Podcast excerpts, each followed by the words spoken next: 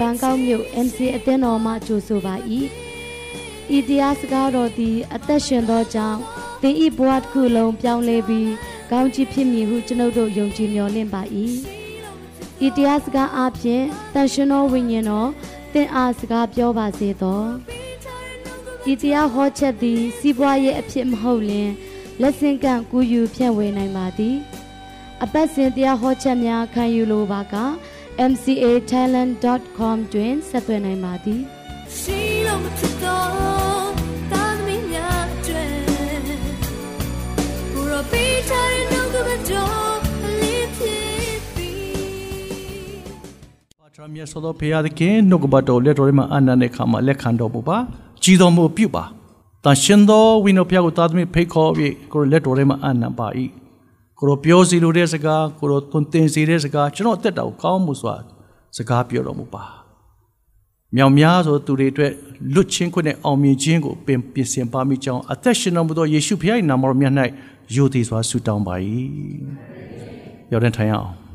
ဘုရားသခင်အကြံစီကလူအကြံစီနဲ့မတူဘူးလူအကြံစီတဲ့များစွာကြည့်တယ်ဘုရားသခင်ကတင့်ရဲ့လှုပ်ဆောင်မှုပေါ်ကြည့်တာမဟုတ်ဘူးတင့်နှလုံးကိုစစ်တော်မူသောဘုရားဖြစ်တယ်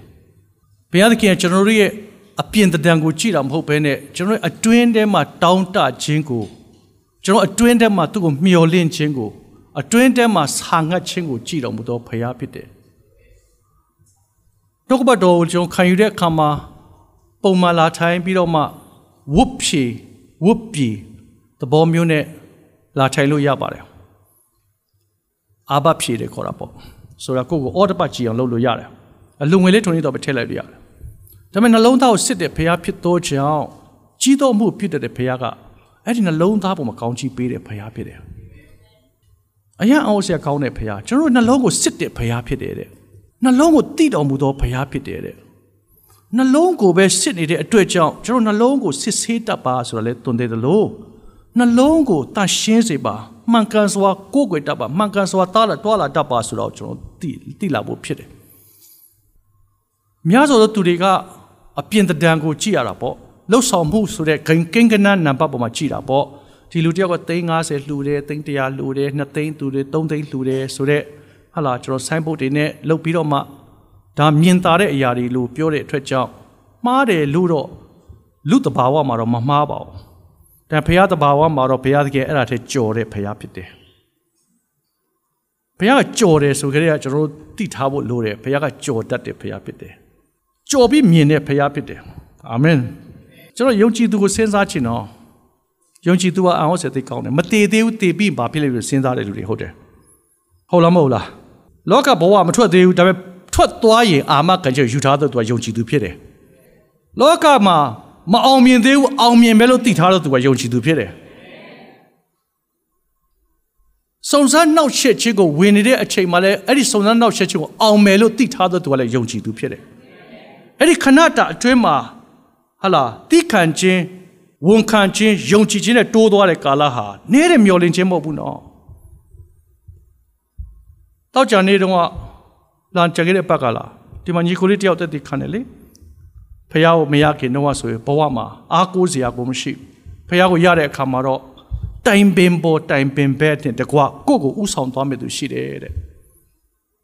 ဒါတွေအလုံးကျွန်တော်စဉ်းစားတဲ့အခါမှာ အော်အသက်ရှင်သောဖယားနဲ့တိကျွမ်းခြင်းနဲ့အဲ့ဒီဖယားကိုကိုးကွယ်ရတာဒီလောက်ကောင်းပါလားလို့ကျွန်တော်တို့နားလည်ဖို့လိုတယ်လူဖြစ်တာအရန်ကျင်တတ်တယ်ကွာဗျာယူသွားပြောမှာဆိုတော့ဘုရားသခင်တဒံတော်နဲ့ညီလူကိုဖန်ဆင်းတယ်လို့ပြောလာတဲ့အခါမှာတဒံတော်လို့ပြောလာတဲ့တော့သူ့ကိုအကျွင်းမဲ့တိကျွမ်းဖို့ငကိုတွေကတဒံရှိတော်လဲပဲအပြစ်တရားကြောင့်လွဲသွားတဲ့အခါမှာယေရှုခရစ်တော်အားဖြင့်ကျွန်တော်ပြန်ပေးတဲ့ဘုရားဖြစ်တယ်တော့ယေရှုခရစ်တော်အဖြစ်ပြန်ပေးတဲ့အရာကိုကျွန်တော်တို့ကအကျွင်းမဲ့နားလည်လာတဲ့အခါမှာ အဲ့ဒီနားလေတဲ့အပေါ်ကိုထပ်တိုး၍တိုး၍တိလေတိုး၍နားထောင်ခြင်းလေတစ်ချက်တဖို့ရှိတယ်မလားဘယ်လိုလဲလုပ်ပါအောင်တိုး၍တိလေတိုး၍ချစ်လေဟဟလားတိုး၍တိပိုတော်တိချင်တယ်တဲ့ပြောလာနော်လောဘမဟုတ်ဘူး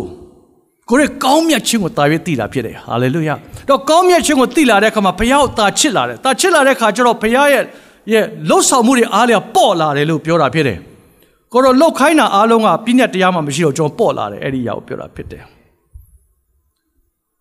ဓမ္မရာဇဝင်ပထမဆုံးအခန်းကြီး15အော်16အငယ်9မှာဓမ္မရာဇဝင်ပထမဆုံးအခန်းကြီး16အငယ်9မှာသာရဖျားသည်လူမြင်တကယ်သို့မြင်တော်မူသည်မဟုတ်လူသည်အစင်းတံကို ကြည့်ရှုတတ်၏သာရဖျားမူကားနှလုံးကို ကြည့်ရှုတတ်သည်ဟုရှမွေလာအားမိန်တော်မူရဲ့ဒါဝိဒ်ကိုရွေးတဲ့အခါမှာဒါဝိဒ်အကိုတွေကအကောင်ကြီးတယ်ဖြစ်နိုင်ခြေရှိပေမဲ့ရှမွေလာလေးကတော့ရှမွေလာကြီးကတော့ပြတာတော့ပရောဖက်လေးတော့ရှမွေလာသွားပြီးရွေးတဲ့အခါမှာဒီလူများဖြစ်မလားဒီလူများဖြစ်မလားအကိုတွေကိုပြောတယ်မဟုတ်ဘူးတဲ့ဘုရားသခင်မဟုတ်သေးဘူးမဟုတ်သေးဘူးမဟုတ်သေးဘူးနောက်ဆုံးဒါဝိဒ်ကိုရွေးတဲ့အခါမှာဘာကိုကြည့်တယ်လဲဆိုတော့နှလုံးသားနဲ့အပြင်ကိုကြည့်တော့မဟုတ်ဘူးတဲ့နှလုံးသားကိုသိတော်မူသောဘုရားဖြစ်တယ် ဒီနေ့ကျွန်တော်အသက်တာထဲမှာလူမြင်ကဲ့သို့မြင်သည်မဟုတ်ဘဲလူအစင်းတန်ကိုကြည့်ရှုတတ်တယ်လူဟာသာရဘုရားမူကနှလုံးကိုကြည့်ရှုတတ်တယ်လို့ပြောလာသောကြောင့်ဒီနေ့ကျွန်တော်တို့နှလုံးကဘယ်လောက်အရေးကြီးတယ်လဲနှလုံးသားနှလုံးသားရဲ့အမှန်ကိုကျွန်တော်သိထားဖို့လိုတယ်နှလုံးလို့ပြောလာတဲ့အခါမှာနှလုံးကိုစစ်ဆေးတတ်တဲ့အသက်တာဟာတင့်ရဲ့ဘုရားသခင်ရဲ့မျက်နှာသာပေးခြင်းနဲ့ ကိုရောရဲ့တိကျွမ်းခြင်းကိုပေးတဲ့နေရာဖြစ်တယ်အပြင်တံနေနဲ့လှုပ်တဲ့လူရှိတယ်လူရှိမှလှုပ်ပေးတဲ့လူရှိတယ်လူမရှိမလှုပ်တော့ဘူးပေါ့နော်တချို့ကြောင့်တချို့ကြောင့်လူရှိရှိမရှိရှိဘုရားသခင်မျက်နှာကိုထောက်ပြီးတော့မှလှုပ်သွားတဲ့သူတွေရှိတယ်မပေါ်ဘူးဒါပေမဲ့ဘုရားသခင်သိတယ်တခါလေမှကျွန်တော်ရိုးရာ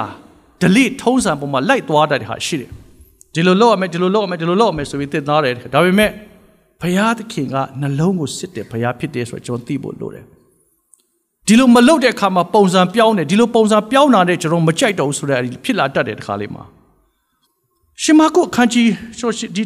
ရပိုင်းတို့မှာကျွန်တော်မာကုကိုနည်းနည်းလေ့လာနေတာပေါ့နော်တဖြည်းဖြည်းတဖြည်းလေ့လာနေတဲ့အခါမာကုအခန်းကြီး9ကိုရောက်လာတဲ့အခါမှာတခင်ယေရှုနဲ့ယေရုရှလင်မြို့ကလာတဲ့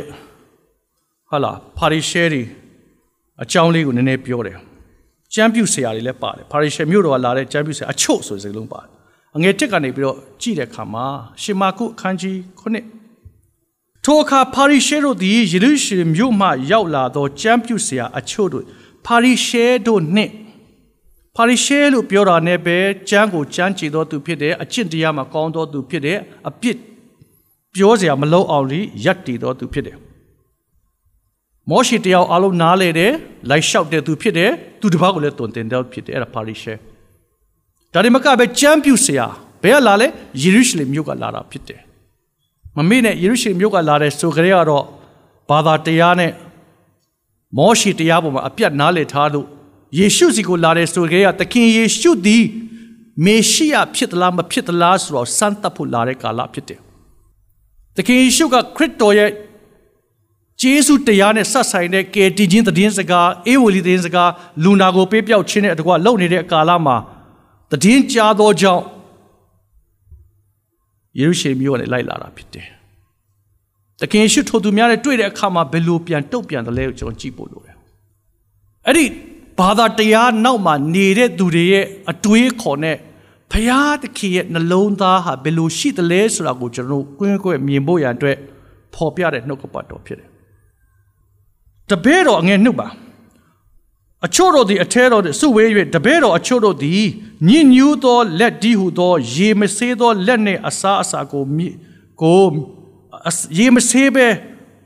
အစားစားသည်ကိုမြင်လျင်အပြစ်တင်ကြတယ်အကြောင်းမူကားရှေးလူဟောင်းတို့မှဆက်ဆံသောဤဥပရိသကိုခံယူသောပါရိရှဲမှစ၍ယူဒလူအပေါင်းတို့သည်လက်ဆုပ်မဆေးပဲအစာကိုစားလိမ့်မရှိဈေးမှပြန်လာသောအခါလဲ ဆေးခြင်းမပြုတ်ပဲစားလေမရှိထိုမှတပါခွက်ဖလားကြေးဝါပကံခုတင်တို့ဆေးခြင်းစမှအစသောထုံးတမ်းများကိုခံယူ၍ကြည့်လေရှိတယ်ထိုအခါပါရိရှဲနဲ့ကျမ်းပြဆရာအချို့တို့ကရှေးလူဟောင်းတို့မှဆက်ဆံသောဤဥပဒေတော်ကိုရိတ်တပည့်တော်သည်မကျင့်ဘဲလေအဘဲကြောင့်မကျင့်ဘဲလေအဘဲကြောင့်ညင်ညူးသောလည်းနဲ့အစာစားသည်နီလို့မေးတယ်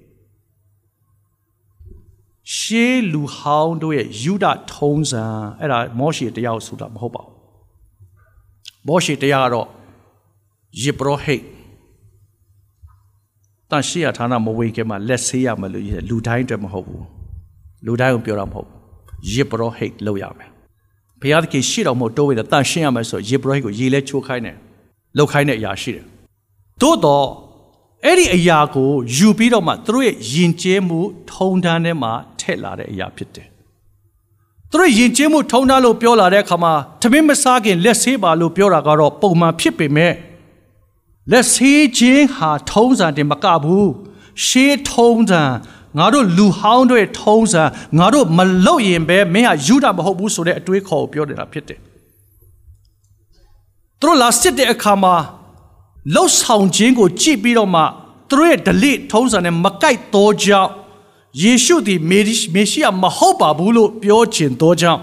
သူတို့နှလုံးသားထဲမှာဘာရှိတယ်လဲဆိုတော့အနှုတ်လက္ခဏာနဲ့လာတာဖြစ်တယ်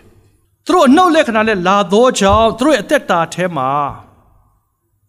အဲ့တော့မတော်ခင်မှာပထမအချိန်သူတို့မေးထားတာရှိသေးတယ်အဲ့ဒါမာကုအခိုင်း3မှာငွေ22မှာယေရုရှလင်မြို့ကလာတဲ့လူတွေယေရှုကိုတွေ့ပြီးမှဒီလိုပဲမေးတယ်တဲ့နော်အခိုင်း3အငယ်22မှာ နတ်ဆိုးနဲ့ပတ်သက်ပြီးတော့မှနတ်ဆိုးထွက်သွားတဲ့အတွက်ကြောင့်တခင်ယေရှုရဲ့နာမနဲ့ယေရှုကမောင်းထုတ်လိုက်တဲ့အခါမှာသူတို့ပြောတဲ့စကားရှိတယ်အဲ့ဒီမှာလည်း22မှာဗာပြောလို့ဆိုယေရုရှလင်မြို့မှာလာသောကျမ်းပြုဆရာကလည်းသူသည်ဘေလီယာစ်ဘေလာဇေဘူလာဆွဲသောသူဖြစ်၏နတ်ဆိုးမင်းကိုအမိပြုတ်နတ်ဆိုးတို့ကိုနှင်ထုတ်တယ်အဲ့ဒုက္ခတွေကဆိုတော့ပထမတစ်ခေါက်ကလာကတဲ့ကသခင်ယေရှုသည်မေရှိယမဟုတ်ပါဘူးဆိုတဲ့ တည်င်းစကားတကယ်တော့နတ်ဆိုနတ်ဆိုးကိုနိုင်သောဖျားဖြစ်တယ်ဖျားဖြစ်သောကြောင့်နတ်ကိုနိုင်တာဖြစ်တယ်နတ်ဆိုးကိုနိုင်တာဖြစ်တယ်မောင်းထုတ်တဲ့ကမှာထွက်သွားတဲ့ခါမှာသူတို့ကဘယ်လိုတရားစီရင်လဲဆိုတော့တာပြည့်ကြီးသောနတ်ဆိုးမင်းရဲ့နာမကိုယူပြီးမှမောင်းထုတ်တယ်လို့ပြောပြီးပြန်သွားတဲ့ခါလာဖြစ်တယ်ဒါဆိုယေရုရှလင်မြို့ပြောပြီးပြန်တယ်ဆိုတော့ယေရုရှလင်ပြန်ပြောမယ်ထင်လားပြောတာပေါ့နောက်တစ်ဖွဲ့ထွက်ထွက်လာတယ်နောက်တစ်ဖွဲ့လာတဲ့ခါမှာယေရှုကိုဘာလုပ်နေတယ်လို့စစ်နေတဲ့ကာလဖြစ်သောကြောင့် ယေရှုကိုသူစစ်လို့မရတဲ့ခါမှာတပည့်တော်တွေကလက်မဆေးပဲစားတယ်။တခင်ယေရှုကနှလုံးသားကိုစစ်တော်မူသောဘုရားဖြစ်တယ်။တခင်ယေရှုကကျွန်တော်တို့ကိုချစ်တဲ့အခါမှာလှုပ်ဆောင်ခြင်းပေါ်မှာချစ်တာမဟုတ်ဘူးကျွန်တော်တို့တိနားလေတယ်ဆိုတော့ကျွန်တော်ရဲ့ဘဝအမှန်ကိုသိတော်သူဖြစ်တယ်။ကျွန်တော်ဘဝအမှန်ကိုသိတော်ကြောင့်သူ့ရဲ့မေတ္တာကကျွန်တော်တို့အတွက်လုံလောက်ယုံမြမကရှံထွက်ဖို့ရအတွက်အကျင့်တရားကိုကြည်တာမဟုတ်ဘူး။လှုပ်ဆောင်မှုကိုကြည်တာမဟုတ်ဘဲနဲ့ သူဘာပြောလဲဆိုတော့အငယ်6မှာဟေရှာယသည်တဲ့လျှို့ဝှက်သောတင်တို့ကိုရေမှတ်လေဤလူမျိုးသည်နှုတ်ခမ်းနဲ့ငါ့ကိုယူသေးကြတယ်စိတ်နှလုံးမူကားငါနှင့်ဝေးကြတယ်လူတို့စီရင်သောပညာတရားတို့ကိုတွင်တင်၍ဤဥပဒေသာပေးလျက်ပင်ငါ့ကိုအချီးနီးကိုးကွယ်ကြတယ်လို့ကိုတို့ကပြန်ပြောတယ် hypocrite ဆိုတဲ့စကားလုံးတော့ hypocrite အချီးနီးသောစကား ဒါမှမဟုတ်လို့ရှိရင်လျှို့ဝှက်တော်သူ hypocrite ဆိုလျှို့ဝှက်တော်အတွင်းထဲမှာမာကြောပြီးတော့အတွင်းထဲမှာပုတ်ပွားတဲ့လူတွေရဲ့စကားပြောခြင်းဟာပုတ်ပွားတော်သူအတွင်းနှလုံးမတန့်တော်သူဟာအမြဲတမ်းမတန့်သောအရာကိုထွက်တယ်လို့ပြောနေတာဖြစ်တယ်စဉ်းစားနော်ကိုနဲ့ဆိုင်လာလိမ့်မယ်အဲ့ဒါကိုဘာပြောနေတယ်လဲနဲ့ဆိုင်လာလိမ့်မယ်ဘုရားရှင်ကကျွန်တော်တို့အသက်တာထဲမှာဘာရှိတယ်လဲဆိုတာကိုစစ်တာဘယ်လိုဘာလဲ စစ်စေဆိုဘာထွက်လာတယ်လဲဆိုတာနဲ့စစ်တာဖြစ်တယ်ကျေးဇူးချီးမွမ်းခြင်းရှိကိုပူဇော်တဲ့ခါမှာနှလုံးသားနဲ့တကယ်ချီးမွမ်းတဲ့အရာကဘာထွက်လာတယ်လဲကဘုရားစစ်ဆေးတယ်အထဲမှာရှိတဲ့အရာကိုကိုတော့သိဖို့ရအတွက်ကိုတော့စစ်ဆေးတဲ့အခါမှာတော့ဒါဝိမင်းကြီးကိုကျွန်တော်စဉ်းစားတဲ့အခါမှာဒါဝိကဘာပဲတွေ့တွေ့ပြဿနာတွေကြားထဲမှာအဲ့ဒီပြဿနာကိုပြဿနာလို့မထင်မဲ့ကိုတော့ချီးမွမ်းတတ်တဲ့သဘာဝရှိတယ်သူ့ကိုရွေးကောက်သောဖခင်က သူ့ရဲ့အသက်တော်ချီးမြှောက်တော်မူသောဖခင်ဖြစ်တယ်လို့သိထားသောကြောင့်အဲ့ဒီဂျေစုတင်ထားတဲ့နှလုံးသားရှိသောကြောင့်သူကဘယ်လိုအခြေအနေမှာပဲဆိုရောက်ရောက်ဖခင်ကိုချီးမွမ်းနေတဲ့အရာကနှလုံးသားကနေချီးမွမ်းနေတဲ့အရာဖြစ်တယ်။ကျန်ခဲ့တဲ့၄၅6နှစ်လောက်ကကျွန်မလည်းဆရာထန်းတောင်းဒီမှာလာပြီးတော့တင်နန်းလေးပေးတယ်။ဆရာမခလုတ်ဖောင်ရှိတဲ့ကာလပေါ့။အဲ့တော့ဆရာထွန်းမြတ်အိမ်နာဖိုင်နေဆရာထန်းတောင်းကဒီမှာ तू ကတင်နန်းပေးတယ်ဆိုတော့ तू လည်းနည်းနည်းပြောပြနေတဲ့ကာလပေါ့နော်။ သူဘာပြောလဲဆိုတော့ကျွန်တော်တည်ချင်းဆက်တဲ့သူတွေကတဲ့တည်ချင်းဓမ္မတည်ချင်းတည်ဆိုတဲ့သူတွေလေတည်ဆိုလဲဆိုဆက်လဲဆက်တယ်မလားသူတို့ကဆက်တဲ့ခါမှာတဲ့ကျွန်တော်တို့ကစဉ်းစားပြီးဆက်တာမဟုတ်ဘူးတဲ့ဘုရားသခင်နဲ့အခြေယူနေရင်တဲ့မှပေါ်လာတဲ့အခါမှာတဲ့ပေါ်လာတဲ့ဘုရားစကားကိုစကလုံးထဲ့တယ်အတန်ထည့်ပြီးတော့မှဖြစ်လာတယ်ဆိုရင်စကလုံးလေးသူပြောတယ်။ဟောဆရာထွန်းမြတ်လည်းအာမင်ဒိုင်နာအော်ရာကျွန်တော်ကြားတယ်။သူတို့ကတူတယ်လေနော်။သူတို့သူတို့ကတည်ချင်းဆက်တဲ့အဖွဲ့တွေလေနော်။ ဆိုတော့ဘုရားစကားနဲ့နှလုံးသွင်းထားတဲ့အခါမှာအဲ့ဒီနှလုံးသွင်းတဲ့အရာလေးကတစ်ချိန်မှာအတန်အနေနဲ့ထွက်လာတယ်စကားအနေနဲ့ထွက်လာတယ်အဲ့ဒီစကားကိုကျွန်တော်တို့ကဒီကပရိသတ်တွေကိုရလာတဲ့အခါမှာလိုက်ဆိုတဲ့အခါမှာလည်းခံစားလားမခံစားဘူးလားခံစားတယ်ဘာဖြစ်လို့လဲသိလားအဲ့ဒါဘုရားသခင်ရဲ့စကားတော်နှလုံးထဲကယိုစီးလာသောအရာကြောင့်ဖြစ်တယ်တရှိဆက်တဲ့လူတွေကဒီလိုပဲရှောက်ဆက်တဲ့လူလည်းရှိတာပဲ ဘာလဲဟိုတော့ထွက်တယ်လေတပုတ်နင်လည်းအိတ်တော်မဲငါလည်းအိတ်တော်မဲဆိုလားပါလားဟုတ်တယ်လားဟုတ်နော်တော်နာမည်ကြီးသွားတယ်ဒီလိုပြောတယ်အကုန်ကြီးတယ်ဆိုရဲတော်နာမည်ကြီးသွားတယ်အဲ့ဒါကတော့ဟိုနင်လည်းအိတ်တော်မဲငါလည်းအိတ်တော်မဲဆိုတာကတော့ရိုးရိုးပဲပြောလိုက်တာဖြစ်မှာပေါ့နော်ထွက်လာတဲ့အရာဆိုတာကလေအချိန်ယူတဲ့ကာလဖြစ်တယ်အแทမှာဘာရှိသလဲကိုတူထားတဲ့အရာကိုပြောတာဖြစ်တယ်။ သင်ဒီနေ့ဘာတူထားသလဲကထွက်လာမှာပဲ။သူယေရုရှလင်မြို့ကိုပြန်သွားသောကြောင့်ပထမတစ်ဖွဲ့ကပြန်သွားတဲ့အခါမှာပြောထားတဲ့အရာကသခင်ယေရှုသည်မေရှိယမဟုတ်ဘူးဆိုတဲ့တန်တရားနဲ့လာသောကြောင့်အပြစ်ရှာဖို့လာတာဖြစ်တယ်။ဒီနေ့ကျွန်တော်ယုံကြည်သူဟာအပြစ်ရှာဖို့မွေးဖွားလာတာမဟုတ်ဘူး။ပြန်ပြောမယ်။အပြစ်သူတစ်ပေါက်ရှာဖို့မွေးဖွားလာတာမဟုတ်ဘူး။ ဖရာသခင်ရဲ့ကောင်းမြတ်ခြင်းကိုတင့်အသက်တာအပြင်ယိုစီးလာဖို့ဖြစ်တယ်။တင့်အသက်တာထဲမှာအဲ့ဒီညဉ့်ညမ်းတဲ့အရာတွေမကောင်းတဲ့အရာတွေထည့်ထားတဲ့၍ထွက်လာမှာပဲပြောလာမှာပဲဒီကာလကပိုဆိုးလာတယ်ကျွန်တော်သတိထားဖို့လိုတယ်ကျွန်တော်ဘာပြောသလဲကပိုရေးကြည့်တယ်နော်နှလုံးထဲမှာရှိတဲ့အတိုင်းသင်ပြောမှာဖြစ်တယ်တော့အဲ့ဒီအရာကိုကျွန်တော်ဆက်ပြီးတော့ဖတ်တော့ဘဲနဲ့နည်းနည်းကြော်လိုက်တော့မယ်ဘာလို့လဲဆိုတော့ အခန်းငယ်21ကိုရောက်လာ20ရက်ဆက်ဖတ်တဲ့အခါမှာသခင်ရှုကပြောတယ်အဲ့ဒါအတုံ့ပြန်နေပြောရင်းနဲ့မှသခင်ရှုပြောသွားတဲ့စကားကပိုအရေးကြီးတဲ့နှုတ်ကပတ်တော်ဘာပြောလဲဆိုတော့အငယ်20မှာအခန်းကြီး9မာကုလူအတွင်းမှထွက်သောအရာကလူကိုညှဉ်းညူးစေသောအရာဖြစ်တယ်လူအတွင်းကအတွင်းနှလုံးသားတွေကထွက်သောအရာဟာလူကိုညှဉ်းညူးစေသောအရာဖြစ်တယ်ဆိုတော့ ဆရာကလူကိုညင်ညူးစေဆိုတခြားလူတော့ညင်ညူးစေတာလားကိုကိုပြန်ညင်ညူးတာလားတောက်ဆရာလေ့လာတဲ့အခါမှာညင်ညူးသောအရာကိုပြောထွက်တော်သူညင်ညူးသောအရာကိုတွေကထွက်တဲ့အရာကိုထွက်တာကိုကညင်ညူးလာတယ်တဲ့ကိုကပြန်ညင်ညူးလာတယ်အဲ့တော့ပြောတာဖြစ်တယ်အသက်တာထဲမှာသင်ဘာပြောတယ်လဲဘာလုပ်တယ်လဲ ဘာနဲ့သွာလာနေတယ်လဲနှလုံးကိုစစ်ပါဆိုတော့အဲ့ဒါကိုပြောနေတာဖြစ်တယ်ဘုရားသခင်ကအရာစစ်ဆေးတဲ့ဘုရားဖြစ်တယ်နော်ဒီကာလမှာယုံကြည်သူတွေအထူးသဖြင့်ညီးတွားတယ်ဆိုတဲ့စကားလုံးတစ်လုံးရှိတယ်ဣသရေလလူမျိုးတွေကသူတို့ခေါ်ထုတ်လာတဲ့ခါမှာသူတို့ညီးတွားကြတယ်လေနော်တော်ရဲရောက်တဲ့ခါမှာညီးတွားတော့သူတို့ဘုရားသခင်စိတ်ဆိုးပြီးတော့မှနှစ်40အဲ့ဒီမှာထားတယ်ဘာလို့ညီးတွားလဲညီးတွားခြင်းနဲ့ချီးမွမ်းခြင်းဖြစ်ဖို့ရန်အတွက်သူတို့ရဲ့အတွေးခေါ်ပြောင်းပြတဲ့ကာလနှစ်40ကြာတယ် နှစ်40ကြာတဲ့ခါမှာဘုရားဘယ်လိုပြောင်းလဲလဲငါဒီထာဝရဘုရားအသက်ရှင်တော်မူသောဘုရားအာဗြဟံဣဇက်ယာကုပ်တို့ရဲ့ဘုရားမင်းရဲ့ကိုးကွယ်ရဘုရားမင်းအားကိုးမှငါငါမင်းအားကိုးမှဘုရားဆိုတော့သူနှစ်40တင်တဲ့ခါနောက်ဆုံးပိတ်ကြမှာယောရှုတဲ့ကာလက်တူဝင်သွားကြတယ်ဒီနေ့ညီးတွားခြင်းဆိုတာလှုပ်လို့ရရှိတယ်ဒါပေမဲ့ယုံကြည်သူကညီးတွားခြင်းပေါ်မှာရပ်ပြီးတော့ဆုံးရှုံးမဲ့သူတွေမဟုတ်ဘူးအရေးကြီးတယ်ယုံကြည်သူတွေကစိတ်ထဲမှာရှိတဲ့အတိုင်း ခံစားချက်ပေါ်မှာရပ်ပြီးတော့ပြောရမယ်သူတွေမဟုတ်ဘဲနဲ့ဘုရားသခင်ရဲ့ထည့်ထားတဲ့အရာပေါ်မှာရပ်ဖို့ပြောတာဖြစ်တယ်။ဒါတော့ဘာပြောလဲဆိုတော့လူအတွင်းကလူအတွင်းနှလုံးထဲကမကောင်းသောကြံစီခြင်းသူ့မယားကိုပြစ်မှားခြင်းမိမ့်မလွတ်နဲ့မှားယွင်းခြင်းလူအသက်ကိုတန်ချေသူ့ဥစ္စာကိုခိုးခြင်းလောဘလွန်ကျူးခြင်းမနာလိုခြင်းလှည့်စားခြင်းညှဉ်းညူးခြင်းညူစုခြင်း သူ့အတရေကိုဖျက်ခြင်းထောင်လွှားစော်ကားခြင်းလျှက်ပေါ်ခြင်းဤဆိုးညစ်သောအရာတို့တည်တယ်ဆိုပြောနော်ဆိုးညစ်ခြင်းဆိုတဲ့အရာတွေဒိဗေဖော်တယ်တော့မှာထိုဆိုးညစ်သောအရာများတို့သည် အတွင်းမှထွက်လာ၍လူကိုညှဉ်းညူးစေသည်ဟု မိန်တော်မူလူကိုညှဉ်းညူးစေတယ်အတွင်းထဲကထွက်လာတဲ့အရာရှံထွက်လာတဲ့အရာအဲ့ဒီအရာတွေက အထဲထဲမှာတိမ့်ထားသောကြောင့်ထွက်လာတာလို့ပြောနေတာဖြစ်တယ်။ကျမ်းပြုဆရာဖာရီရှဲကိုရောရှိမှလာပြီးတော့သူ့တပည့်တွေရဲ့အစာစားကနေမှလက်မဆွေးလို့လက်ဆေးခြင်းလက်မဆေးခြင်းကိုကိုရောကမရှင်းဘူး။ဘာရှင်းလဲဆိုတော့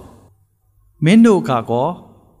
ပြင်တံတန်နေတဲ့ကောင်းပေမဲ့အတွင်းတံတန်ကောင်းသလားဆိုတဲ့အတွင်းတံတန်ဆိုတဲ့အရာကိုကိုတော်ကပြောနေတာဖြစ်တယ် ကျွန်တော်တို့ဘာလုပ်နေတယ်လဲအရေးမကြီးဘူးဘာကြောင့်လုပ်တယ်လဲကိုအရေးကြီးတယ်ကျွန်တော်အတွင်းထဲမှာနှလုံးသားကိုစစ်ဆေးဖို့ရတဲ့ကိုတော်ပြင်ဆင်ထားတာဖြစ်သောကြောင့်ဒါကြောင့်မလို့မဿဲအခန်းကြီး9မှာနော်ကိုတော်ပြောတဲ့စကားရှိမဿဲအခန်းကြီး9မှာလေနော်အငယ်ရှစ်မှာစိတ်နှလုံးဖြူစင်သောသူတို့သည်တဲ့တောင်ပေါ်ဒေသနာလေပြောလားမပြောလားအငယ်ရှစ်မှာစိတ်နှလုံးဖြူစင်သောသူတို့သည်မင်္ဂလာရှိကြ၏အကြောင်းမူကား ထိုသူတို့သည်ဖျားသခင်ကိုမြင်ရကြလက်တစိတ်နှလုံးဖြူစင်တယ်တဲ့ဆရာလူတယောက်ကပြောဘူးတယ်သူကကျတော့ကိုချောင်းကြီးလို့ခေါ်တယ်ကိုချောင်းကိုချောင်းအရန်ဖြူတယ်တဲ့အဲဆိုတော့ဂုံယူတာပေါ့အာအေးဟုတ်လားအေးကောင်းဒါပေမဲ့ဘာဆိုးဆိုးရတယ်တဲ့အယောင်ဆိုးလို့ရတယ်ဆိုပြီး तू ကပြောသွားတာလေအဲဆရာစဉ်းစားတယ်ဖြူတယ်ဆိုတော့အယောင်ဆိုးလို့ရတယ်တဲ့အယောင်ဆိုးရင်ပြီးသွားတယ်ပေါ့အနီးထက်အနီးဖြစ်သွားတယ်အပြာထက်အပြာထက်သွားတယ်ဆိုရင်သဘောက तू ကမြောက်တယ်လို့လည်းတကယ်တော့ရိုက်ချတာလေနော် အဲ့နဲ့တော်တော်ခံစားလိုက်ရတယ်နှလုံးဖြူတာကိုပဲတော့အယောင်ဆိုးလို့ရတယ်ဆိုတာလေးတွေပြောသွားတယ်ဒီနေ့ယေရှုရဲ့အယောင်နဲ့ဆိုထားတာဖြစ်တယ်ယေရှုအယောင်ကလေအဖြူပဲဟာလေလုယာဘာမှဆိုးလို့မရဘူးဆိုတော့ဆရာလည်းသူ့ကိုပြန်ပြောလဲမဟုတ်ဘူးကွာလို့အဲ့ဒီဖြူစင်တဲ့အရာဆိုတာယေရှုနဲ့ဖြူနေတာလို့ဘာမှဆိုးလို့မရဘူးလို့ပြန်ပြောယူရတယ်နော်နှုတ်မမလွယ်ဘူးသူ့စကားကြောက်စရာကြီးနော် ဟုတ်လားမဟုတ်လားအယောင်ဖြူတယ်ဆိုတာဘာဆိုးဆိုးအယောင်ထွက်လာလေနော်သူကတဘာဝနဲ့သူပြောချသွားတာဒီနေ့သခင်ယေရှုဟာတင့်ကိုဖြူစင်သောနှလုံးသားကို ပြင်ဆင်တော်မူသောဖခင်ဖြစ်ပေမဲ့ဒီနေ့ကျွန်တော်ဘာထဲ့နေလဲအရေးကြီးတယ်။ဖခင်စကားနဲ့ယုံကြည်ခြင်းကိုဖြစ်စေသောအရာပေါ်မှာရပ်၍ကိုရောပေါ်မှာသွားသောသူဖြစ်ဖို့ဖခင်အလိုတော်ရှိတာဖြစ်တယ်။ဓမ္မရာဆိုရင်ပထမဆောင်အခန်း16ငွေ9မှာတော့စိတ်နှလုံးကိုကြည့်တယ်လို့ပြောတယ်လို့ယေရမိမှာကြည့်တဲ့အခါမှာယေရမိအခန်းကြီး16 နော်ယေရမိအနာဂတိကျမ်းအခန်းကြီး16ငွေ9နဲ့10မှာဖခင်ကဘယ်လိုပြောလဲဆိုတော့စိတ်နှလုံးဒီခတ်သိမ်းသောအရာထက်ဆင်းလဲတတ်တယ်တဲ့စိတ်နှလုံးဒီခတ်သိမ်းသောအရာထက်ဆင်းလဲတတ်တယ်အလွန်ယိုယွင်းသောသဘောရှိတတ်တယ်စိတ်နှလုံးသဘောကိုအဘယ်သူသိနိုင်သနည်းစဉ်းစားဖို့ရှိရနော်အထူးဖြင့်ကျွန်တော်ဟာလားအိမ်တော်ကြီးကြောင့်စဉ်းစားမယ်ဆိုလို့ရှိရင်ဆရာအိမ်တော်ကြီးကြောင့်ခဏတင်အောင်နော် ယောက်ျားလေးတွေကရဖို့ပဲစဉ်းစားတာမိန်းကလေးတွေကတော့တကွက်ကြော်စဉ်းစားတယ်ဆိုတော့တင်ပြီးလေနော်မိန်းကလေးတွေက तू ကအိမ်တော်ပြုတ်တော့မယ်ဆိုလို့ရှိရင်ဒီယောက်ျားလေးကငါနဲ့အဆင်ပြေပါမလား तू ကကောင်းရဲ့လားငါဘဝတက်လုံချုံပါမလားအစုံစဉ်းစားတယ်အဲ့ဒါစဉ်းစားယောက်ျားလေးကြောင့်မို့ကြိုက်ရင်တော့ဆွတ်ဆွဲတော့တာပဲနော်အဲဟလာဟိုဘာကြီးဖြစ်ဖြစ်ရအောင်ယူမယ်ဆိုတဲ့တွေးခေါ်ဒါယောက်ျားစွန့်စားကန်းကြိုက်တာ ਉ လေဒါမိန်းကလေးကဘာစစ်လဲဒီလူကအဆင်ပြေပါမလားနှလုံးစစ်တယ်နော်ဆိုတော့တချို့ကဟန်ဆောင်တယ် မရခင်ကာလမှာဟန်ဆောင်တယ်ဟုတ်လားမဟုတ်လားဟန်ဆောင်တဲ့ကာလရှိတယ်ဘာလို့ရပါမိကြောင်းဟန်ဆောင်တာလေတကယ်အစ်စ်မှာဘယ်မှာပေါ်လဲသီလားရပြီးမှပေါ်တာရပြီးမှပေါ်ဒါပေမဲ့ဒီမှာရေးထားတာကစိတ်နှလုံးဒီခတ်သိမ်းသောအရာထက်ဆင်းလဲတတ်တယ်တဲ့ဒီဟာထည့်ရမယ်နော်ဒီသင်္ကန်းစာဆရာထက်မှာထပ်ထည့်ပေးမှရမယ်နောက်ပိုင်းအလွန်ယိုယွင်းသောသဘောရှိတဲ့စိတ်နှလုံးသဘောအဘယ်သူသိတယ် ထာဝရဘုရားသည်လူအသီးသီးတို့မိမိတို့အကျင့်တိုင်းမိမိတို့ခံထိုက်သောအကျိုးပြစ်ကိုပေးခြင်းကနှလုံးကြောက်ကပ်ကိုစိတ်စိတ်စစ်ကြောတော်မူသောဘုရားဖြစ်တယ်ဟာလေလုယာဒီနေ့ကျွန်တော်ယုံကြည်သူဖြစ်လာတဲ့အခါမှာကိုယ်နှလုံးကိုကိုစစ်ပါလို့ပြောနေတာဖြစ်တယ်ဘုရားသခင်အတွက်ကျွန်တော်အမှုတော်ဆောင်တယ်ဘုရားသခင်အတွက်ကျွန်တော်ဝန်ခံကြတယ်အဖို့ခကျွန်တော်ပေးကြတယ်ဘုရားเจ้าကိုလာကြတယ်ကိုးကွယ်ခြင်းလာကြတယ်ဘုရားကိုတကယ်ကိုးကွယ်ဖို့တင်လာတာလား ဘုရားသခင်ကိုတကယ်ပဲကိုးကွယ်ခြင်းနဲ့နှလုံးသားနဲ့လာဖို့စစ်ဆေးခိုင်းနေတာဖြစ်တယ်အဲ့ဒီလူဟာလေကောင်းကြီးမရပဲမပြန်သွားဘူးနှလုံးကိုကျွန်တော်စစ်ဆေးတဲ့ဘုရားဖြစ်တယ်လို့နှလုံးကိုစစ်ဆေးတတ်ပါကိုယ်နှလုံးကိုကိုစစ်ဆေးခြင်းဟာအင်မတန်မှကောင်းသောအရာဖြစ်တယ်။အော်ဒီနေ့ငါဟာအကျိုးမြတ်ကြောင့်ဘုရားကိုကိုးကွယ်တာမဟုတ်ဘူး။အကျိုးမြတ်ပေးတဲ့ဘုရားမှန်တယ်။ဒါပေမဲ့အကျိုးမြတ်ကြောင့်ကိုးကွယ်တာမဟုတ်ဘူး။အဲ့ဒီဘုရားဂျေစုကများသောကြောင့်ကိုတို့အတွက်ကျွန်တော်အလူငွေပါဝင်ကြတယ်။ ကိုတို့အတွက်ကျွန်တော်အဖိုးခကျွန်တော်ပေးကြတယ်။ကိုတို့ကိုချစ်သောကြောင့်ကျွန်တော်အဖိုးခပေးကြတယ်။လာရောက်ပြီးတော့မှကျွန်တော်လှုပ်ဆောင်ပေးတဲ့အရာတွေကိုဘုရားသိတယ်။ဒါပေမဲ့အပေါ်ယံနေတဲ့သိချင်လို့လို့လူတွေသိအောင်လုပ်တဲ့အရာတွေလည်းလုပ်လို့ရတယ်။အသင်းတော်စကားစားညီကိုတယောက်ရှိသူကတကယ် talented ပဲဒီလိုကပြန်လို့ကြီးတာလည်းအရင်ကောင်းတယ်သူတပားတွေသူ့ကြည့်အောင်လည်းသူအမျိုးစုံလုပ်တတ်တယ်သူက အဲ့လိုပေါ့ attention ယူတတ်တယ်လို့ခေါ်တာပေါ့နော် attention ယူတတ်တယ်သူတပားတွေကသူ့ကိုသတိထားမရသူလုပ်တတ်ဒါပေမဲ့သူဖျောက်ချစ်ပါနောက်တဲ့သဘောပဲလုပ်တာပါသူကလူတွေကသူ့အမြင်နဲ့ကြည့်အောင်လုပ်တဲ့အထက်မှာမပါပါဘူးဒါပေမဲ့တခါကြောက်ရှင်ဆရာတို့ကဟိုဟိုတယ်တွေဘာတွေမှာဟိုဖျားရှိခိုးဟိုတော့ဆိုအခန်းမရှိတော့တချို့အင်္ဂလိပ် section တွေကဟိုတယ်မှာလုပ်တယ်လေဆိုဆရာတို့ဟိုတယ်သွားကြအဲ့တော့ကျွန်တော်ဆရာ Dominic ကျွန်တော်သူရဲ့ပေါ့၃ယောက် taxi ဘောဆင်းပြီးတော့မှ toilet ထွက်လာအခုအခုကျွန်တော်ကြည့်ကျွန်တော်လှုပ်ပြမယ်လူတွေကျွန်တော်ဝိုင်းကြည့်ကြလိမ့်မယ်သူဘယ်လိုလဲဒီမှာလဲ ထော်ချိုးထော်ချိုးလှုပ်တာလေတကယ်ထော်ချိုးအတိုင်းပဲနော်လိန်ဖဲလိန်ဖဲနဲ့ထော်ချိုးအဲ့တော့အားလုံးကသူ့တနာပြီးတော့ wheelchair ပဲဆွဲလာမျိုးပဲလှုပ်ဖို့ဖြစ်တာလေနော်သူလှုပ်နိုင်တယ်အဲ့လိုလူမျိုးတွေလည်းဖြစ်နိုင်တယ်ဒီနေ့ကျွန်တော်အသက်တာတဲမှာနှလုံးကိုစစ်ဆေးတဲ့ကာလဒီကာလဖြစ်တယ်ဟန်ဆုံးတဲ့ကာလအများများတဲ့အချိန်ဖြစ်တယ်နှလုံးတတ်ရှင်းခြင်းဟာဘယ်လောက်ထိဘုရားသခင်ရှေ့မှာရေးကြည့်တယ်လေယေရမိနာဂတိကျမ်း အော်ယေရမိဟေးယေဇေဂျေလကိုရောက်သွားပြီနော်ယေဇေဂျေလကိုကြည့်အောင်ယေဇေဂျေလအနာဂတိကျမ်း36မှာစာမျက်နှာ800ကျော်လောက်မှာရှိတယ်ယေဇေဂျေလအခန်းကြီး36အငယ်26မှာဘုရားသခင်ကအဲ့ဒီနှလုံးကိုဘသူပေးနိုင်တယ်လဲလို့စဉ်းစားရင်တဲ့စဉ်းစားရအောင်အဲ့ဒီနှလုံးကိုဘသူပေးနိုင်လဲနှလုံးအစ်စ်ကိုဘသူပြုတ်ပြင်ပေးနိုင်တယ်လဲသခင်ယေရှုကိုယုံကြည်တဲ့အခါမှာနှုတ်နဲ့ဝန်ခံပြီးစိတ်နှလုံးနဲ့ ယုံကြည်ရတယ်လို့ပြောတယ်ကယ်တင်ခြင်းဆိုတာဘယ်လိုလဲနှလုံးနဲ့ယုံပြီးတော့နှုတ်နဲ့ဝန်ခံရတယ်ဟောလားမဟုတ်လားဘာဖြစ်လို့နှလုံးဆိုတဲ့အရာကိုထည့်ထားလဲစဉ်းစားစရာရှိတယ်နှုတ်နဲ့ဝန်ခံစိတ်နှလုံးနဲ့ယုံကြည်သာဝရအသက်ကိုရတယ်နှလုံးကိုစစ်တဲ့ဖခင်ကအတင်တကယ်ယုံလားမယုံလားကိုစစ်မှာဖြစ်တယ်အနာယောဂါကြောင့်ခရစ်တော်ယူသွားတဲ့လူတွေရှိတယ်အနာယောဂါပျောက်သွားတော့ခရစ်တော်ယူလိုက်တယ် ပြဿနာဖြစ်တော့ငွေကြေးတဲ့ဆူတောင်းတော့နမိတ်လက္ခဏာနဲ့ငွေကြေးရသွားတော့ခရစ်တော်လက်ခံလိုက်တယ်ရှိတယ်အဲ့လူတွေကနည်းနည်းသတိထားဖို့လိုတယ်သာဝရအသက်ကကျမ်းမာသွားလို့သာဝရအသက်ရသွားတာမဟုတ်ငွေကြေးအဆင်ပြေသွားလို့ထာဝရတဲ့ရသွားတော့မဟုတ်ထာဝရအသက်ကတင်နဲ့ဖျားနဲ့တင်ဟာအပြစ်သားဖြစ်တယ်အပြစ်ကိုလွတ်ပေးတော်မူသောယေရှုခရစ်ကိုမိမိရဲ့ကယ်တင်ပိုင်ရှိပြီးယုံနာဖြစ်တယ်ကိုတော့အသက်ရှင်ကြောင်းကိုသိဖို့ရန်အတွက်ကြမ်းမာသွားတာဖြစ်တယ် အသက်ရှင်ကြောင်းကိုပဲသိတာပြန်ပြောမယ်နော်သိအရေးကြီးတခါလေးမှနည်းနည်းလေးကပ်ပြီးတော့လွဲတဲ့လူတွေရှိနိုင်တယ်ကျွန်တော်ကမကြမ်းမာသောပြုသူဖြစ်တယ်နောက်တော့ကြမ်းမာသွားတဲ့အခါမှာယေရှုကျွန်တော်လက်ခံလိုက်တယ်ဆိုတာကတော့ခေါင်းစဉ်နေနဲ့ဖြစ်ပေအဲ့မှာ process ဆိုတဲ့အဆင့်တွေအများကြီးရှိတယ်ကြမ်းမာခြင်းနဲ့ခရစ်တော်ရသွားတဲ့လူအများကြီးရှိတယ်တက်တဲ့ခံတဲ့လူအများကြီးရှိပါတယ်ငကိုတော့အရန်ဆိုးတာပဲနောက်ဆုံးပက်လက်လာနေတဲ့လေလာဆေးအုံပေါ်မှာဘုရားသခင်ကျွန်တော်ကိုကယ်လိုက်လို့ခရစ်တော်နာမနဲ့ကျွန်တော်ပျောက်သွားတယ်တက်တဲ့ခံချက်တွေအများကြီးရှိနိုင်ပါတယ် မှန်လဲမှန်ပါတယ်ဒါပေမဲ့အသက်ရှင်ကြောင်းကိုသိတဲ့တက်တဲ့နဲ့ထာဝရအသက်ကိုပေးတဲ့ခရစ်တော်နဲ့တင်တဲ့ပြတ်သားစွာနားလေဖို့ကတလုံးကိုစစ်တော်မူသောဖရားဖြစ်တယ်။ဒါကြောင့်မလို့ယေရမိမှာခိုင်း36ငွေ26ပါဘာပြောလဲဆိုစိတ်နှလုံးတစ်ကိုငါပေးမယ်။သဘောတစ်ကိုတွန်းထားမယ်။တင်တို့ကိုခန္ဓာတဲကကြောက်နှလုံးကိုနှုတ်၍အသားနှလုံးကိုပေးမယ်ဖရားကဒီနေ့ကျွန်တော်ရဲ့အသက်တာထဲမှာ အဲ့ဒီဂတိတော်ဟာပြည့်စုံလာတဲ့ကာလဖြစ်တယ်။ကိုတို့ကိုမိမိနှလုံးသားထဲမှာယုံကြည်လက်ခံတဲ့သူခရစ်တော်မိမိကယ်တင်ပါရှိပြီးယုံကြည်လက်ခံတဲ့သူဟာခရစ်တော်ရဲ့ဂျေဇုတော်သူလှုပ်ဆောင်မှုကြောင့်ကျွန်တော်တို့ကိုအသက်တော်နှလုံးသားကိုပြန်ပေးတဲ့ဖရားဖြစ်တယ်။အဲ့ဒါကိုကျွန်တော်ယူထားဖို့လိုတယ်။ဖြောင့်မချင်းပေးတယ်။ပြန်ပြောမယ်နော်ဒီဌာနတော့ဖြောင့်မချင်းပေးတယ်။ဖြောင့်မတော်သူလိုက်လျှောက်ဖို့တတ်ဖို့လိုတယ်။ဖြောင့်မတော်သူဟာဖြောင့်မတဲ့အတိုင်းလိုက်လျှောက်ရတယ်။ အသက်တော်နှလုံးသားကိုဖရားပေးတယ်။အသက်တော်နှလုံးသားနဲ့လိုက်လျှောက်တာဖို့လိုတယ်။သဘောပေါက်နော်။ဖျားသခင်ကဖြစ်စေဆိုတဲ့အရာကိုကျွန်တော်နားလည်ပြီးဆိုရင်အဲ့ဒါကိုအကျွေးမဲ့ခံယူပြီးတော့လိုက်လျှောက်တတ်ဖို့လိုတယ်အဲ့ဒီလိုက်လျှောက်ခြင်းဟာ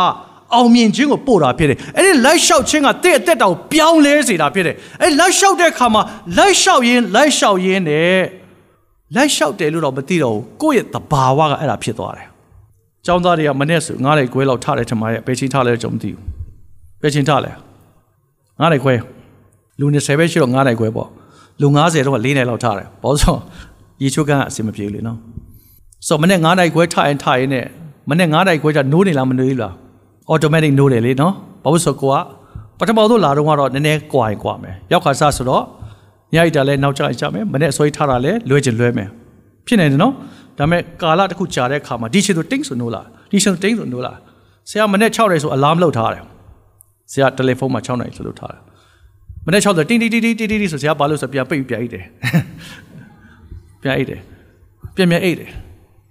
ခွန်နိုင်မှာနောက်တစ်ခေါက်နိုးထားတယ်အဲနောက်တစ်ခေါက်ခွန်နိုင်ကြိုက်ချက်ထားတယ်တဘောကဟိုပထမတစ်ခေါက်ကတော့ပြန်ပိတ်ဖို့လှုပ်ထားသလိုပဲလေနော်တနာပါရဲ့အလမ်ဘက်ကစဉ်းစားလို့ရှိရင်ဒါပေမဲ့ဒီခါလေးမှာ6နိုင်မှာနိုးပြီးသွားမယ်အရာတွေရှိတဲ့ခါမှာ6နိုင်မှာထားတာပေါ့နော် မပြောင်းဒီတိုင်းပဲထားတာဆိုတော့တချို့က set up လုပ်ပြီးတော့မလိုက်လျှောက်တဲ့သူရှိလားဆရာလည်းရှိတယ်နော်တချို့ set up လုပ်ထားတဲ့အတိုင်းလိုက်လျှောက်ရင်းနဲ့ set up လုပ်ထားတဲ့အပေါ်မှာမသွားတော့တဘာဝပြောင်းသွားတယ်ငါးနိုင်ခွဲမှာနိုးသွားတယ် work camp သွားတယ်ဆရာဆယ်တန်းအာ second year မှာဒုတိယနှစ်ပေါ့တက္ကသိုလ်မှာ work camp ဆိုတာအလုပ်လုပ်တဲ့ camp သွားတယ်ဆရာည7တိုင်မှာရောက်တယ်မနေ့9နိုင်ခွဲပြန်နှိုးတယ်သူတို့က မနှိုးပေါ့ထုံးစံပေါ့ည7တိုင်လောက်မှာရောက်တာဟုတ်ဟိုစားမှာပြင်မနာမှာမနေ့9နိုင်ခွဲလောက်နှိုးတဲ့ခါမှာဆရာတို့မနှိုးတော့ပြန်အိတ်ချင်တာပေါ့ဒါပေမဲ့မရဘူးလေအတင်းနှိုးတယ်ဆရာတို့မှာတပတ်10ရက်လောက်ပြီးအလုပ်လုပ်ဖို့သွားတာလေဒုတိယရက်တော့လည်းအိတ်ချင်သေးတယ်တတိယရက်ကျတော့9နိုင်လောက်ကျဆရာနှိုးနေအောင်နောက်ဆိုဗမာရန်ကုန်ပြန်ရောက်လာတယ်9နိုင်ကျတော့ကိုကနှိုးနေအောင်ဘာလို့ဆိုတော့ကိုက10ရက်လုံးလုံးလိုက်လျှောက်ရင်းနဲ့9နိုင်ဆိုတဲ့အချိန်မှာထခြင်းဟာတဘာဝတည်းရောက်သွားတယ်အာမင် ဒီနေ့တည့်စနှလုံးကိုဘုရားသခင်ကသူ့ကိုအပ်ပါတဲ့ဒါလေးဆရာပြန်ဖတ်အခန်းငယ်29အခန်းငယ်အခန်းငယ်26ဟုတ်လားဟုတ်တယ်နော်36 26စိတ်နှလုံးအစ်စ်ကိုငါပေးမယ်သဘောအစ်စ်ကိုတွင်းထားမယ်တင်တို့ကိုခန္ဓာထဲ၌စိတ်နှလုံးကိုနှုတ်၍ကြောက်နှလုံးကိုနှုတ်၍အသားနှလုံးကိုပေးမယ်ငါဝိညာဉ်ကိုလည်းတင်တို့အထဲနဲ့တွင်းပေးသဖြင့်တင်တို့သည်ငါဤတရားလမ်းသို့လိုက်၍ ငါစီရင်တော်မူချက်တို့ကိုစောင့်ရှောက်စေကြလိမ့်မည်တဲ့ကြည်သားဟာလေလုယာဒီနေ့ကျွန်တော်တို့ကိုဖယားသခင်ကခရစ်တော်အပိစိတ်နှလုံးအသစ်ကိုပြန်ပေးတဲ့ဖယားဆိုတော့ပြန်တတိယဖို့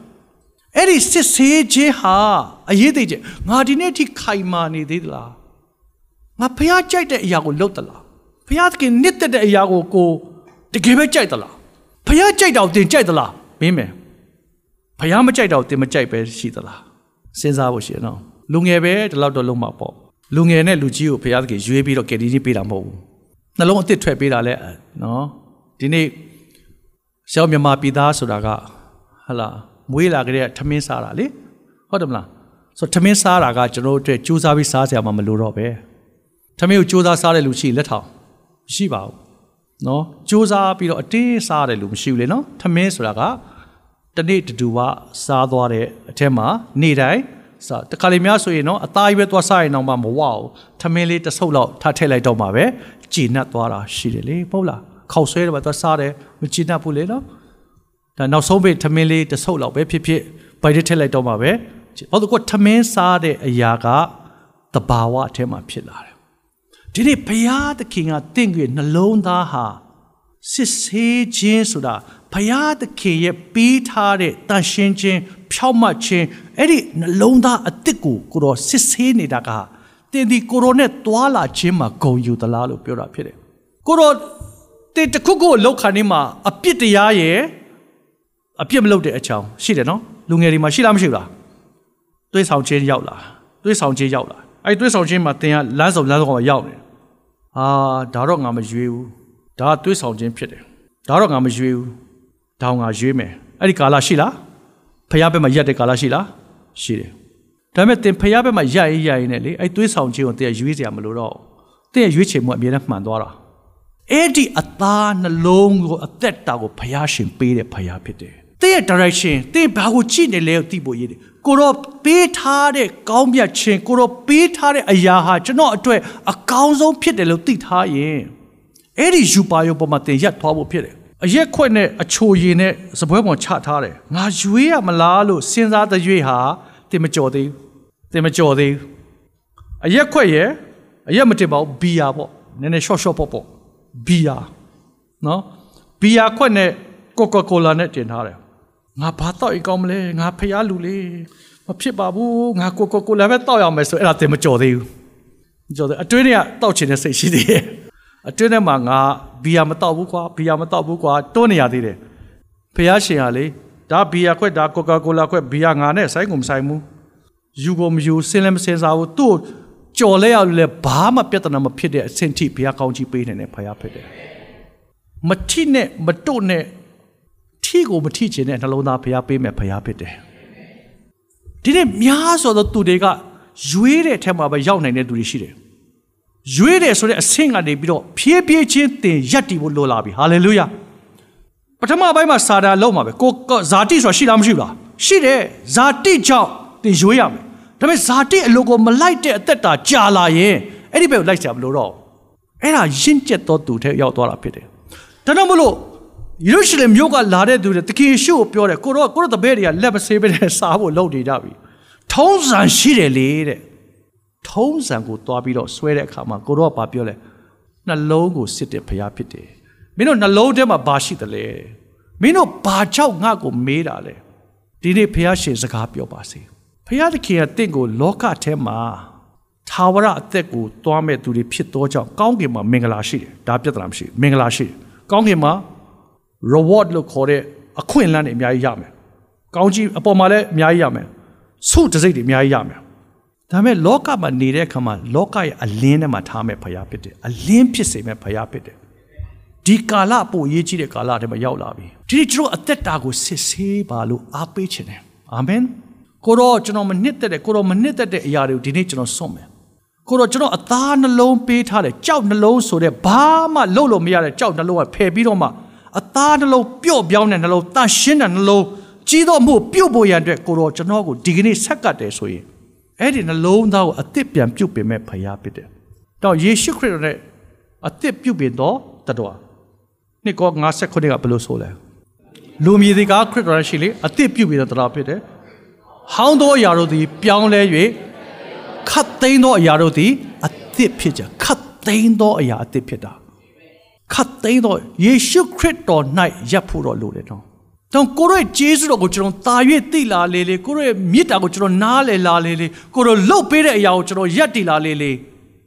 ကိုတော့ကိုတာ၍ရက်တည်လာလို့ရလာတယ်။တဲ့သက်တာထဲမှာဘုရားကိုတိကျွမ်းခြင်းပညာဆက်ယူပါ။အာမင်။ဘုရားသခင်နဲ့တွာလာတဲ့အသက်တာမှာသိတဲ့အရာပေါ်မှာနှလုံးသားနဲ့လိုက်လျှောက်ပါ။အဲ့ဒီလိုက်လျှောက်ခြင်းဟာစကားသားမှာလိုက်လျှောက်ရလိမ့်မယ်။ဒါပေမဲ့ကြာလာတော့လက်လျှောက်တာမဟုတ်တော့ပုံမှန်ဖြစ်လာတယ် ဆယ်ဘိန်းစစီးမယ်ပင်ပန်းလိမ့်မယ်စီးရင်စီးနဲ့ဆယ်ဘိန်းစီးတာမပင်ပန်းတော့ဟောလားမဟုတ်လားဆယ်ဘိန်းစီးတယ်ဆိုတာကကိုယ့်ရဲ့ habit ထဲမှာပါလာမမောတော့စကားစမှာတော့ exercise လုပ်ကြည့်ပါလားနော်ဆရာမကစ်တီကိုခေါ်ပြီးတော့ကကိုင်းလိုက်ပေါ့နော်မနေ့တော့ဆရာမကစ်တီလာပြီးတော့ကပြီးဒီမှာအကတင်ပေးတယ်ဆရာရဲဦးကတယ်ဒီဘဲလေးလိုပဲစာတွေ့တယ်ဆရာရဲဦးပထမပိုင်းတော့နာမှာပါပထမနေ့တော့မလှုပ်ဖူးတဲ့လူညောင်းပါပေါ့နော် ဒါပေမဲ့လှုပ်ရေးလှုပ်ရေးလှုပ်နေကြပေါ့ပေါ့ပါပါသွားတယ်ဘာဖြစ်လို့လဲကိုတော့အသစ်ပြုတ်ပင်ပေးတဲ့နှလုံးသားဖြစ်တယ်အဲ့ဒီနှလုံးသားကနေပဲထွက်လာမယ့်အရာကိုကျွန်တော်သိဖို့လိုတယ်တင်အမြဲတမ်းအနှုတ်လက္ခဏာပြောနေသလားတင်အမြဲတမ်းအမင်္ဂလာပြောနေသလားအမြဲတမ်းမျောလင့်ချက်မဲ့တဲ့အရာပေါ်မှာဂုဏ်ယူနေသလားဒါတွေအားလုံးကအတွင်းထဲမှာမပြောင်းလဲသေးဘူးအတွင်းထဲကိုစစ်တော်ဘုရားဖြစ်တယ်ကျွန်တော်လည်းမထပ်ပြီးဘုရားရှိခိုးဆက်ကရအောင် အဖဘုရားသခင်နှလုံးသားကိုစစ်တော်မူသောဘုရားကိုယ်ဖြစ်သောကြောင့်ယေရှုတင်တယ်ကြီးတော်မူဖြစ်တဲ့ဘုရားသည်ကိုယ်တော်ဖြစ်တယ်လို့ကိုယ်တော်ထံမှာဆက်ကကြပါတယ်ကိုယ်တော်စိတ်နှလုံးအစ်ကိုပေးတော်မူသောဘုရားသဘောအစ်ကိုတွင်းထားတော်မူသောဘုရားငါဝိညာဉ်ကိုတင်းတို့ထဲမှာတွင်းသဖြင့်တင်းတို့သည်လည်းငါ့တရားတော်လမ်းကိုငါရှင်တော်မူသောလမ်းကိုလိုက်လျှောက်တတ်မယ်လို့ကိုယ်တော်ဂတိတော်ရှိပါတယ်ကြီးတော်မူပြုပါမိကြောင်းတန်ရှင်သောဝိညာဉ်ဘုရားတကိုးနဲ့ဗိတ်သိမ့်နဲ့အလုံးလုံးတော်မူပါကိုရောတိကျွမ်းတဲ့သားသမီးအရောက်တိုင်းပေါ်မှာ တာ၍ကြီးသောမှုပြုတ်ပါမိကြောင်းနဲ့ဘုန်းတော်တာ၍ထင်ရှားပါမိကြောင်းလက်တော်ထဲမှာအနတ်လို့ဆူတောင်းတဲ့အခါမှာသုံးပါးဆုဖြစ်တော်မူသောခမည်းတော်ဘုရားထံတော်ပေါ်မှာမြစ်တာတော်ဒါတော်ဘုရားကြီးစွာနဲ့တန်ရှင်သောဝိတော်ဘုရားလမ်းပြပို့ဆောင်မိသားဖွဲ့ခြင်းသည်လောက်ကြသောညီကိုမောင်မတယောက်စီတယောက်စီပေါ်မှာတော်၎င်းအွန်လိုင်းမှာကြည့်တဲ့သူတွေတယောက်ချင်းပေါ်မှာယခုချိန်မှစလဲကာလအစဉ်မြဲတည်ရှိတည်မြဲပါစေသော